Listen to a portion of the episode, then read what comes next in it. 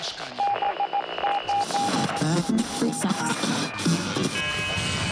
Odsłuch społeczny.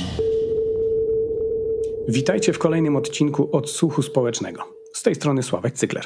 Naszym gościem jest dzisiaj pan Jakub Grzegorczyk, członek Komisji Krajowej Związku Zawodowego Inicjatywa Pracownicza. Dzień dobry. Dzień dobry. Chciałbym, żebyśmy porozmawiali e, o rodzajach umów, o tym, jak możemy dogadywać się z szefostwem, żeby móc się rozliczać i żeby móc się zabezpieczać, trochę w kontekście tego, co się dzieje obecnie na świecie i w Polsce, ale trochę też e, pod takim względem edukacyjnym, żebyśmy poznali może te wady i zalety różnych umów, których wcześniej nie znaliśmy. I zacznijmy może od umowy o dzieło i umowę zlecenie. Po co one są stworzone i co nam dają? Dają one przede wszystkim tym osobom, które nas zatrudniają na podstawie tych umów.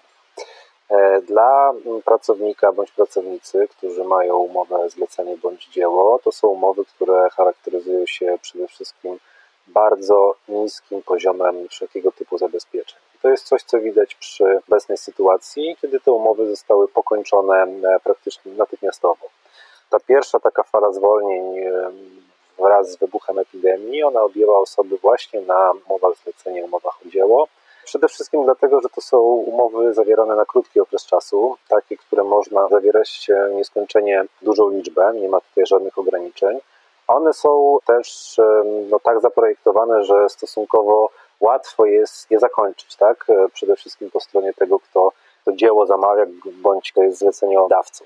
Więc taki jest podstawowy problem z tymi umowami. Oczywiście dochodzi tutaj kwestia taka jak na przykład bardzo ograniczona ochrona wysokości zarobków, tak? Jakby istnieje płaca minimalna, godzinowa w przypadku umowy zlecenie, ale na przykład przy umowie o dzieło już nie ma czegoś takiego. No właśnie, to może przejdźmy trochę do takich argumentów, jakie słychać, kiedy rozmawia się z ludźmi na tych umowach, bo wielu, szczególnie młodych ludzi, nie jest po prostu świadomych, jakie są, jakie są tego wady. Często jest tak, że zostaje im więcej w kieszeni, ale nie mają na przykład y, możliwości pójścia na L4 albo na płatny urlop, prawda? No więc e, to jest tak, jeżeli chodzi o L4, czyli zwolnienie chorobowe, Istnieje taka możliwość w umowie zlecenie, aby dobrowolnie osoba, która ma taką umowę, zgłosiła pracodawcy, że chce być objęta dobrowolnym ubezpieczeniem chorobowym. Wtedy no, obowiązkiem pracodawcy jest takie ubezpieczenie opłacać i w przypadku choroby, w przypadku zwolnienia, no jakby też jest, e, jest gwarantowany dochód dla tej osoby. Ale w jakiej wysokości wtedy jest wypłacane to chorobowe? Bo... To jest 80% tak zwanej podstawy wymiaru zasiłku, czyli ktoś jest zatrudniony na zlecenie, to będzie przeciętny miesięczny dochód za okres 12 miesięcy które poprzedzają miesiąc, w którym nastąpiło to zwolnienie, tak? Ale to jest ważna kwestia, to dotyczy tylko i wyłącznie jednej umowy, więc jeżeli, co się często zdarza, są osoby, które realizują kilka zleceń dla kilku różnych podmiotów, e, no to tak naprawdę będą miały ten dochód dużo niższy niż normalnie by miał. Czyli nie jest to takie proste jak przy umowie o pracę, prawda? Znaczy, przy umowie o pracę przede wszystkim no, za, założenie jest takie, że umowa o pracę jest jedna z jednym pracodawcą, ona ma określony wymiar czasu pracy, tak? To znaczy, że w danym okresie rozliczeniowym e, mamy tygodniowo pracować 40 godzin dziennie, e, tych godzin powinno być 8, tak? No oczywiście tutaj troszkę to zależy od systemu czasu pracy. Mamy opłacane wszystkie składki na system zabezpieczenia społecznego, emerytalną, rentową, wypadkową, chorobową, na fundusz pracy i na Fundusz Gwarantowanych Świadczeń Pracowniczych, co teraz e, w obecnym kryzysie jest szczególnie ważne. E, no i jest to też umowa, której, jeżeli jest to umowa na czas nieokreślony, to żeby ją rozwiązać, pracodawca musi nam podać powód, tak? Musi wskazać, jakby co się stało takiego, że z nami współpracę chce zakończyć. Przy umowie na przykład zlecenie, no to jakby istnieje taka formułka, że można ją rozwiązać z, z ważnego powodu, tak? Natomiast to też jest tak, że ona funkcjonuje w reżimie prawa cywilnego. Prawo cywilne zakłada, że dwa równe sobie podmioty spotykają się na rynku, gdzieś się dogadują i nawiązują współpracę. Tak? To jest taka bardzo liberalna koncepcja, która w ogóle nijak się ma do realiów stosunku pracy. Stosunek pracy wykonywanie dla kogoś pracy najemnej, no to jest stosunek jednak podległości. To jest ten stosunek, gdzie pracownik jest stroną słabszą, gdzie pracownik jest e, też e, podatny na różnego typu wykorzystywanie, wyzyskiwanie. Tak? Więc jakby stąd jest cała masa różnych takich ochronnych elementów, e, które udało się ruchowi pracowniczemu wywalczyć, jeśli chodzi o umowę o pracę. Dobrze, wspomniał Pan o funduszu gwarantowanych świadczeń. Powiedział Pan, że to szczególnie istotne. Dlaczego i czym to jest? E, dlatego, ponieważ jest to fundusz, z którego wypłacane są środki w sytuacji, kiedy przedsiębiorstwo ogłasza upadłość. No i y, sama procedura upadłościowa, bankructwo, no taka sytuacja, gdzie się nam firma po prostu zamyka, no jest oczywiście momentem, kiedy pojawiają się problemy z wypłacaniem wynagrodzeń. E, I ten fundusz po to między innymi powstał, żeby była gwarancja, że pracownicy przez określony w ustawie tam czas będą otrzymywać wynagrodzenie po prostu finansowane z tego funduszu. No jest on szczególnie ważny teraz, no dlatego że pewno to gospodarcze załamanie, które nadchodzi, będzie powodowało taką sytuację, że firmy będą ogłaszać upadłość, będą bankructwa, więc jakby to jest też kwestia gwarancji tego, że przez przynajmniej jakiś czas, tak, dopóki nie, nie, nie zostaną wszystkie formalności zakończone, no pracownicy mają gwarancję dochodu. Okej, okay, są jeszcze takie dwa aspekty różniące te rodzaje umów. To jest okres wypowiedzenia i staż pracy. Rozumiem, że przy umowach zlecenie czy o dzieło stażu pracy się nie liczy. Bo w ogóle nie funkcjonuje coś takiego jak okres mhm. wypowiedzenia. Okres wypowiedzenia no to jest ten czas, od kiedy powiedzmy pracodawca nas zawiadamia, że no nie chce z nami współpracować, albo nie jest zadowolony z naszej pracy i w związku z tym chce nas zwolnić, albo nie wiem, likwiduje stanowisko pracy, bo robi oszczędności, no i wtedy musi upłynąć określony czas, uzależniony od naszego stażu pracy, zanim jakby ta umowa wygaśnie. Czyli dwa tygodnie okresu wypowiedzenia, jeśli to jest okres próbny, tak? Miesiąc. No, w jeśli... zależności od stażu pracy. Hmm... Miesiąc, jeśli pracuje się poniżej trzech lat i e, trzy miesiące, miesiące jeśli powyżej trzech lat. Dokładnie. A przy umowie zlecenia nic, e, nic takiego nie funkcjonuje. Geneza tej umowy, tej formy jest taka, że w ogóle to jest forma zatrudnienia, znaczy właśnie nie zatrudnienia, tylko nazwijmy to umowy, która była zawierana powiedzmy między mną, a prawnikiem, który mnie w sądzie reprezentuje, dochodząc odszkodowania od firmy, z której, nie wiem, usług jestem niezadowolony, tak? Po to powstał ten stosunek prawny. On został przez taką praktykę deregulacji prawa pracy i rozwalania systemu zabezpieczenia społecznego, on został rozciągnięty na całą gospodarkę. Zaczęło się gdzieś mniej więcej w drugiej połowie lat 90 na początku XXI wieku zaczął się taki fenomen, że zaczęło się zatrudnienie na zlecenia w budownictwie, w ochronie, w usługach sprzątających, w służbie zdrowia. No i jakby efekt tego jest taki, że jakby ta forma stosunku prawnego zupełnie nieadekwatna do stosunku pracy rozlała nam się na praktycznie wszystkie branże, tak, które teraz y, korzystają ochoczo z umów zleceń, dlatego że pracownik zatrudniany na umowę zlecenioną jest po prostu w ekstremalnie niestabilnej sytuacji. Tak, czyli może być z dnia na dzień w zasadzie zwolniony. Albo nawet nie zwolniony, bo nie był do końca zatrudniony, prawda? Kolejnym trendem, który do spółki z umowami zlecenie i o dzieło e, wkroczył przebojem na rynek pracy, to jest umowa B2B albo po prostu wystawianie faktury za swoją pracę. I też e, o to chciałem spytać, czy rozliczaniu w formie B2B zawsze towarzyszy podpisywanie jeszcze umowy, czy niekoniecznie? To znaczy, gdy mówimy o umowach B2B, to jak rozumiem, chodzi nam o, o sytuację takich osób, które prowadzą własną działalność gospodarczą i z jakąś firmą nawiązują współpracę na podstawie umowy pomiędzy firmami. No więc to jest tak samo patologiczny stosunek jak wykorzystywanie umów zleceń. Przykładowo bardzo rozpowszechniona praktyka w branży budowlanej, gdzie, gdzie wiele osób prowadzi po prostu jednoosobową działalność gospodarczą. No dobrze, ale to wyobraźmy sobie, że dyskutujemy z takimi osobami, tak żebyśmy im praktyczne argumenty przedstawiali. Dlaczego to jest złe? Jakby z ich perspektywy, szczególnie jeśli mają przez pierwsze dwa lata mniejszy ZUS, no to jest sporo więcej kasy w kieszeni, a, a często na umowy dżentelmeńskie z pracodawcą i tak są dogadani na, na urlopy, Także nie, nie zauważają na co dzień wielkich różnic, o ile nie przyjdzie oczywiście kryzys. O ile nie przyjdzie kryzys, kryzys doskonale pokazuje wszystkie patologie z tymi formami zatrudnienia związane. Po pierwsze, zerwanie współpracy, niezależnie od tego, czy ktoś jest samozatrudniony na zlecenie, czy o dzieło, jest dużo prostsze. W przypadku umowy o pracę na czas nieokreślony, tu podkreślmy, bo umowy na czas określony są, no jakby mają też wiele, wiele negatywnych aspektów. Tak jak mówiłem, istnie, jakby jest obowiązek podawania powodu, dla którego jest to zerwanie, można kwestionować przed sądem, dochodzić odszkodowania. No przede wszystkim robi się to też w sądzie pracy, tak, a nie w sądzie, w sądzie cywilnym. Więc to pierwsza kwestia ochrona przed zwolnieniem. Są też takie okoliczności, kiedy tej umowy nie można rozwiązać, tak? Jakby jeżeli jestem kobietą w ciąży, to rozwiązanie ze mną umowy o pracę jest no, bardzo rzadko możliwe po prostu, tak?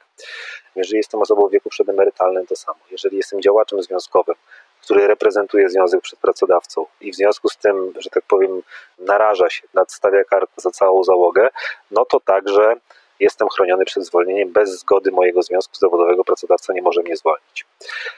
Pierwsza kwestia. Więc pierwszą kwestią będzie ta ochrona przed zwolnieniem. Drugą to jest jakby cała sfera takich jakby zdobyczy socjalnych, płatne urlopy, ograniczenia, jeżeli chodzi o maksymalny czas pracy, zwolnienia chorobowe, wolne na opiekę nad dziećmi.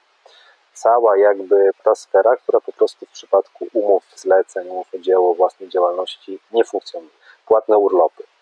To jest duża przewaga umów w pracy tak, w stosunku do zatrudnienia śmieciowego. Dobra, to może ja bym jeszcze wspomniał tak, żeby, żeby słuchacze mieli tu jeszcze więcej tej e, wartości. Przy umowie o pracę dwa dni dodatkowego urlopu opieki nad dzieckiem plus 60 dni w roku w przypadku choroby dziecka albo po prostu sytuacji, w, którym, w której trzeba się nim zaopiekować. Zgadza się? Mhm. Dobra. Urlop to jest e, w podstawowym wymiarze 20 czy 21 dni. Później, jeśli uzbiera się odpowiednio dużo stażu pracy, 26 dni rocznie, prawda? Dobra. L, L4 80% podstawowego wynagrodzenia. Takie, e, nazwijmy to podstawowe L4, tak? Bo to jest sytuacja w szpitalu, jest troszkę inaczej liczone, mhm. na kwarantannie e, troszkę inaczej, ale jakby ogólnie jest tak, że jest w czasie choroby dostaje się normalne wynagrodzenie. Przy umowie zleceniu, jeżeli nie pamiętamy, nie jesteśmy świadomi tego, że trzeba jakby zgłosić to, że chce się być objętym dobrowolnym ubezpieczeniem, no to po prostu może być tak, że albo chorzy przychodzimy do tej pracy na zleceniu, albo chorujemy i nie dostajemy pieniędzy. Okej, okay, a jak to technicznie wygląda? Jeśli jesteśmy na zleceniu i e, płaci, pracodawca płacił te dobrowolne składki na chorobowe, kto to wylicza? ZUS czy pracodawca, czy może pracownik? Wylicza co konkretnie? Te 80% wcześniej wspominał Pan o. A tak, jest podział pomiędzy liczbę dni, które płaci pierwsze kilkanaście dni płaci zakład pracy, potem, jeżeli zwolnienie jest dłuższe, to przejmuje wypłacanie tego świadczenia w czasie choroby ZUS, no i jakby to jest przejście od, nazwijmy to, wynagrodzenia chorobowego do, do zasiłku chorobowego. Okay. Więc ogólnie no to kadry robią i kadry wyliczają, tak, przynajmniej okay. w pierwszej fazie. No dobra, a e, co by pan powiedział takim e, osobom, które e, machają ręką na staż pracy na przykład, bo na B2B też nie wlicza nam się to do ogólnego stażu pracy, prawda? Ale ja, y, troszkę nie rozumiem pytania. Przykładowo, żeby, żeby móc y, przejść na wcześniejszą emeryturę, nie pracując w trudnych warunkach, trzeba mieć uzbieranych 20 lat stażu pracy. Zresztą w ogóle przy ustalaniu momentu przejścia na emeryturę ten staż pracy też jest istotny, albo też często pojawia się w pomysłach polityków. Więc niektórzy jakby uznają, że i tak nie mają co liczyć na emeryturę państwową, albo i tak już przepracowali ileś lat na B2B na przykład, więc i tak tego stażu pracy nie uzbierają. To gra jest warta świeczki, czy niekoniecznie? No zawsze prawo do doświadczenia emerytalnego w godnej wysokości jest moim zdaniem warte świeczki, no bo przy wydłużającej się przeciętnej długości życia, jak weźmiemy pod uwagę, jakim fiaskiem zakończyły się systemy oparte na jakichś próbach indywidualnego oszczędzania na emeryturę, OFE tu najlepszym przykładem, no to jakby jedyną gwarancją dochodów po zakończeniu wieku produkcyjnego, e, no to po prostu jest publiczna emerytura. Oczywiście ten system, który mamy po całej serii zmian, różnych reform, potem odwracania tych reform, potem wracania, on jest w dużej mierze zaburzony. On często nie gwarantuje odpowiedniej wysokości świadczeń, ale jakby to ładnie podsumować, nie ma absolutnie możliwości fizycznej, o ile nie jest się w, nie wiem, 10% najlepiej zarabiających pracowników, żeby, żeby swoją emeryturę e, sobie móc sfinansować z jakiegoś indywidualnego odkładania do skarpety czy, e, czy na konto w banku. Dobra, to jest fajne porównanie. Czy można jeszcze może powiedzieć tak bardziej górnolotnie, że emerytury to jest e, taka umowa społeczna? No bo w nas nie funkcjonuje mimo pozorów coś takiego, że my sobie odkładamy gdzieś na kubkę, na jakieś konto i to sobie nie, procentuje. Tylko nasze składki aktualnie finansują tak. emerytury to innych. bardzo dobrze. I działa to na zasadzie umowy. Mhm. Logika systemu emerytalnego, jaką się narodził, ten współczesny, była taka, że po prostu z, zbieramy pieniądze do, do, do pewnej wspólnej, społecznej, publicznej, e, wspólnego społecznego funduszu, tak, publicznego, z którego finansujemy emerytury tym, którzy w danym momencie osiągnęli to, co jako społeczeństwo uznaliśmy za wiek przejścia na emeryturę, w takiej wysokości, no jakby na jaką, na jaką się, e, że tak powiem, jako społeczeństwo umówiliśmy. Tak powinien działać e, e, system emerytalny. Oczywiście on ma różne wariacje. Są takie, które jakby wprowadzają szereg różnych regulacji dla poszczególnych grup zawodowych. Model na przykład francuski, tak, gdzie jakby poszczególne kategorie pracowników mają troszkę własne kasy i własne systemy wyliczania wysokości emerytur. Mamy systemy mniej skomplikowane, troszkę, troszkę bardziej powszechne, natomiast założenie, że emerytury będą działały tak, że każdy sobie będzie odkładał na koncie w banku i z tego potem na starość wypłaci świadczenie, no to jest, jest to oczywiście absurdalne założenie z, z prostego powodu. Nie ma możliwości precyzyjnie określić, ile dana osoba przeżyje na emeryturze. To nie jest coś, co, co, co da się zrobić indywidualnie, wyliczyć, że Jakub Grzegorczyk na emeryturze przeżyje 10 lat, więc żeby przez te 10 lat utrzymywać dochód w wysokości 2000 zł netto, musi odłożyć przez swoją pracę tyle i tyle. To musi po prostu być uspołecznione. Problem z obecnym systemem emerytalnym jest taki, że on jakby zakłada, że każdy z nas ma indywidualne konto. Ono nie jest kontem, na, jakby, na którym gromadzą się pieniądze, tylko jest, że tak powiem, pewnym zapisem, gdzie, gdzie ZUS po prostu e, zapisuje, ile pieniędzy, e, że tak powiem, odprowadziliśmy i ile w związku z tym zgromadziliśmy w cudzysłowie kapitału. Tak? Oczywiście to są wirtualne pieniądze. No i problem polega oczywiście na tym, że tak, e, tak stworzony system jest indywidualny, rozwijający solidarność i też obniżający wysokość emerytur w stosunku do systemu takiego klasycznego repartycyjnego, który funkcjonował do roku 1999. Odsłuch społeczny. Proszę mi powiedzieć, jakie inicjatywy podejmuje teraz e, Związek Zawodowy Inicjatywa Pracownicza? Z jakimi wyzwaniami się spotykacie? Już mówię, mamy, e, nazwijmy to, trzy typy, trzy, ty, trzy grupy pracowników, tak? Jakby w troszkę różnej sytuacji obecnie podczas e, epidemii. Pierwsza to są te osoby, które cały czas chodzą do pracy. To jest cała logistyka, duża część przemysłu, spora część sektora prywatnego. Takim sztandarowym przykładem jest Amazon, no, gdzie problemem numer jeden jest to, że usługi czy działalność produkcyjna, która nie jest niezbędna do funkcjonowania społeczeństwa w okresie epidemii, jest cały czas świadczona, no, dlatego że firmy ryzykują zdrowie pracowników, chcą cały czas swoje zyski osiągać. Tutaj pomimo apeli o to, żeby na przykład magazyny Amazona zamknąć, firma regularnie e, po prostu umaga spełnienia tego postulatu. Więc to jest pierwsza bardzo liczna grupa pracowników i pracownic, e, którzy po prostu mierzą się z ryzykiem w swojej pracy, tak, za, za, zachorowania, bardziej intensywnej pracy, która tak naprawdę w odróżnieniu na przykład od służby zdrowia, czy w odróżnieniu od transportu publicznego nie jest to praca niezbędna. I ją wykonują tylko i wyłącznie dlatego teraz, że dla firm ważniejszy jest zysk niż, niż ludzkie zdrowie. Druga grupa mm, to są te zakłady, które jakąś formę przestoju wprowadziły. Przestoju, czyli takiej sytuacji, kiedy pracownicy nie pracują, nie ze swojej winy. Zakład pracy jest e, zamknięty, produkcja jest wstrzymana. To jest przykład na przykład e, zakładu Volkswagena w Poznaniu i podwykonawców tego, tej, e, tej firmy. Natomiast tutaj pojawiają się problemy oczywiście z tym, że tak jak już wiemy, na przykład Volkswagen nie chce, żeby w całości ten czas był uznawany za przestój, tylko sugeruje, namawia, naciska pracowników na to, żeby przynajmniej część tego czasu była pokryta z ich urlopów. Mamy sygnały, że to się dzieje w wielu firmach, to nie tylko jest Volkswagen, ale też w innych zakładach, które zdecydowały się na przestój. Pracodawcy po prostu zmuszają ludzi do tego, żeby tracili swój urlop na czas epidemii. No co jest po prostu formą okradania mm. ich z, z, z czasu, który który ustawowo e, jest czasem regeneracji, odpoczynku Dobra. E, i absolutnie... Do tego, mhm. tak? do tego jeszcze wrócimy, ale proszę mi powiedzieć, na czym e, polega postojowe?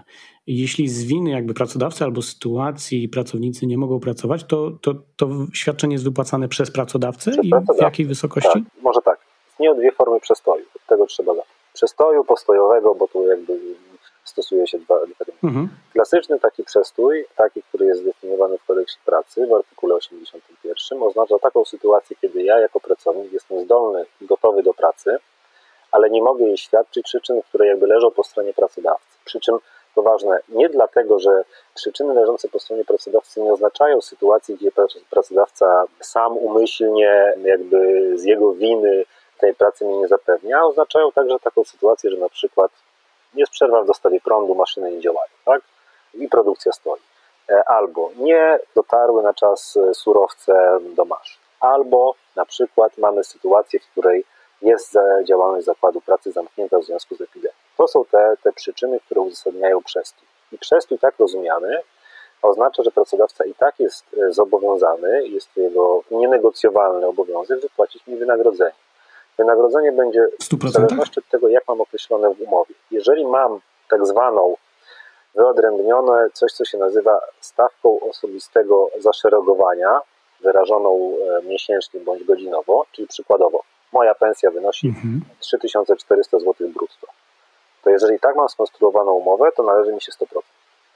Jeżeli natomiast moja umowa przewiduje, mhm. nie wiem, pracę akordową albo prowizję od sprzedaży dokonaną, albo sytuację taką, gdzie powiedzmy nie wiem, podstawa jest 2,5 tysiąca brutto, ale za to nie wiem, za, tak mają montażyści, technicy w instytucjach kultury, ale za każdy event, który obsługuje, otrzymuje dodatek w wysokości takiej i takiej, to nazwijmy to, to te składniki właśnie jak prowizja, dodatek za event, tak go nazwijmy, czy czy stawka akordowa, to wtedy jakby wylicza się 60% wynagrodzenia przysługującego na tej podstawie i, ty, i tyle pracodawca ma zapłacić. I to jest pierwsza forma przestoju. 60% podstawy? Znaczy 60% e, wynagrodzenia, no, które, które jest już tam e, liczone jakby zgodnie z, z takim algorytmem. Ja, ja już w to bym nie chciał bardzo wchodzić, okay, ponieważ no, e, krótko mówiąc bardzo trudno jest to, jest to opisać. Zostawiamy to kadrom. To już kadry powinny okay. wiedzieć. Natomiast myślę, że ogromna większość pracowników i pracownic w Polsce no to powinna otrzymać 100% wynagrodzenia za czas przestoju. Okej, okay. powiedział Pan o tym, że wysłanie, czy nazwijmy to poproszenie pracowników o pójście na urlop wypoczynkowy jest nie fair. Okej, okay. ale zdarzają się też takie sytuacje. Ja mam taką sytuację w bliskim otoczeniu, gdzie pracodawca wręcz prosi o pójście na urlop bezpłatny. To rozumiem jest jeszcze bardziej nie fair, czy no przynajmniej nie ma tak. tej no ściemy tak. z... Urlop bezpłatny, no to jakby jest sytuacja taka, że w związku z tym, że zakład pracy nie pracuje, no to ja ci nie będę wypłacał pensji, ale, ale zrobimy to tak, że napiszesz wniosek, że to ma być urlop bezpłatny. To forma okradania pracownika i tyle. Okej, okay, ale przychodzi pracodawca i mówi, słuchajcie, nie zapłacił nam kluczowy klient za zamówienie, nie mamy zamówień, po prostu padniemy za miesiąc, dwa.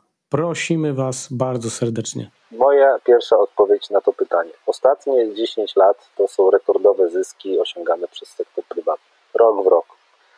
Co się z tymi zyskami stało? Gdzie są te pieniądze konkretnie? Dlaczego wydatki na nasze wynagrodzenia są jakby zdaniem pracodawcy tak kluczowe, że trzeba je w tej chwili redukować? Debata oczywiście publiczna w Polsce jest w ten sposób ustawiona, że no jakby mamy taką sytuację, że spadek obrotów, firma nie działa, za momencik będziemy plajtować, bo, bo pracodawca nie ma, nie ma środków finansowych. Absolutnie tak po prostu nie jest, nie jest w gospodarce. Większość firm ma kapitał rezerwowy, ma zapasy, miała, e, no tak jak mówię, 10 tłustych lat, gdzie zyski bardzo często były zatrzymywane albo wypłacane w formie dywidend e, akcjonariuszom, a teraz, jak jest sytuacja kryzysowa, to się przychodzi do pracowników, żeby sfinansowali utrzymanie firmy, ale jakby ze swoich pensji. Dlaczego? No dobra, ja się, ja się trochę celowo stawiam w takiej e, Aha. opozycji, żeby tutaj podgrzewać tą dyskusję, no bo też jest tak, że nie można demonizować tak wszystkich e, pracodawców i szefów firm. Często jest tak, że oni po prostu dużą część tych środków reinwestują w firmę i może faktycznie być tak, że jeśli komuś kluczowy klient nie zapłaci, no to zaczyna się robić gorąco w miesiąc czy dwa, nawet jeśli było ostatnich 10 lat bardzo tłustych. Więc no, chyba czasem może to być wiarygodne, że faktycznie przychodzi szef z, ze łzami w oczach i prosi pracowników o solidarność. I całym uzasadnieniem dla um, istniejących nierówności społecznych w Polsce przez ostatnie 30 lat było to, że osoba, która jest pracodawcą, podejmuje ryzyko działalności gospodarczej, ona ryzykuje i w związku z tym ona decyduje, ona jakby ustala, jak jest praca zorganizowana, ona decyduje o tym, e, jakie mają być e, wynagrodzenia wypłacane, bo ponosi ryzyko i dostaje pewną premię za ryzyko, którą jest to, że też e, tych pieniędzy do jego portfela trafia dużo więcej niż, niż na przykład do mojego, jak jestem jego pracownikiem najemnym. A teraz się okazuje, że jak ryzyko się zrealizowało, to wcale pracodawca, wcale nasz sektor prywatny tego ryzyka nie chce ponosić, tylko albo wyciąga rękę po pieniądze państwowe, albo wyciąga ręce po pieniądze pracowników w formie wynagrodzeń.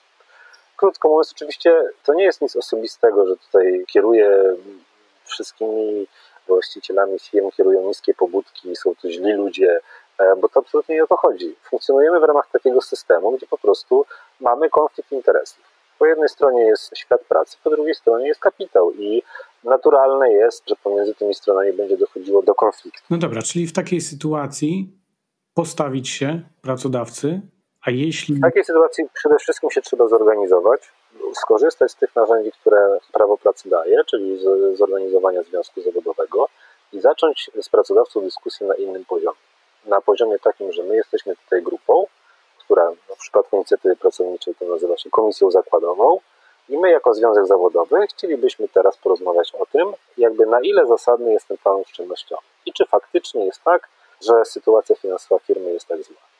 Po pierwsze, bierzemy i analizujemy, jak wygląda kwestia tego, jakie firma ma, ma, ma środki finansowe sprzed wybuchu epidemii, w jaki sposób zamierza je, e, je wykorzystać. Po drugie, pytamy pracodawcę, jak wygląda fundusz płac na tle innych wydatków firmy. Dlaczego mamy zajmować się w tej chwili cięciem funduszu płac?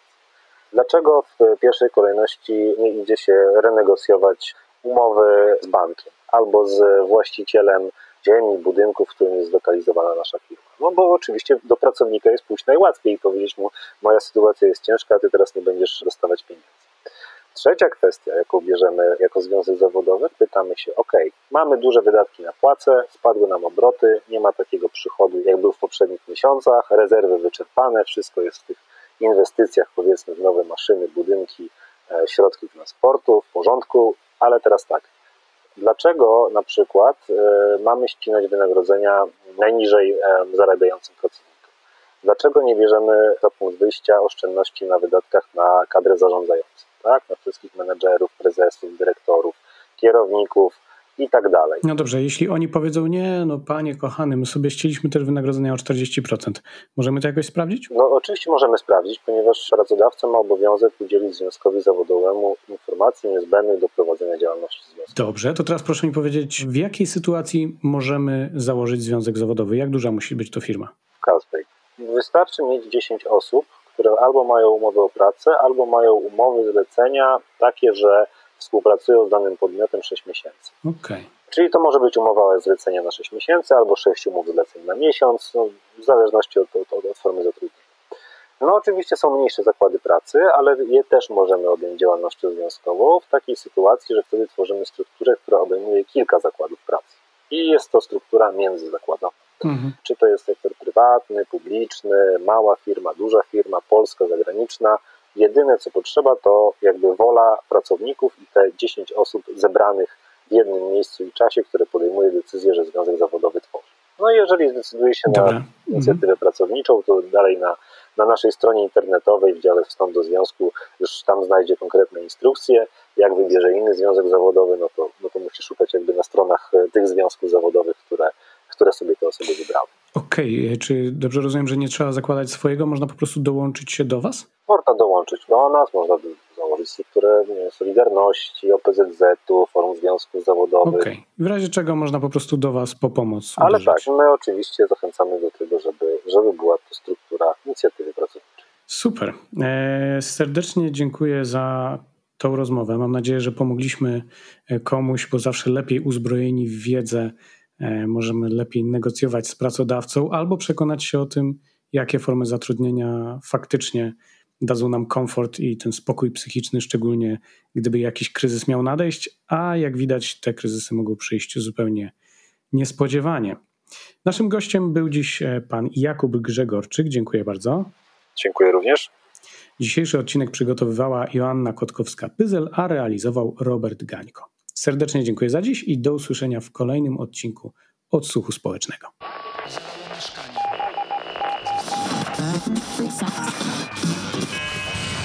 Odsłuch społeczny.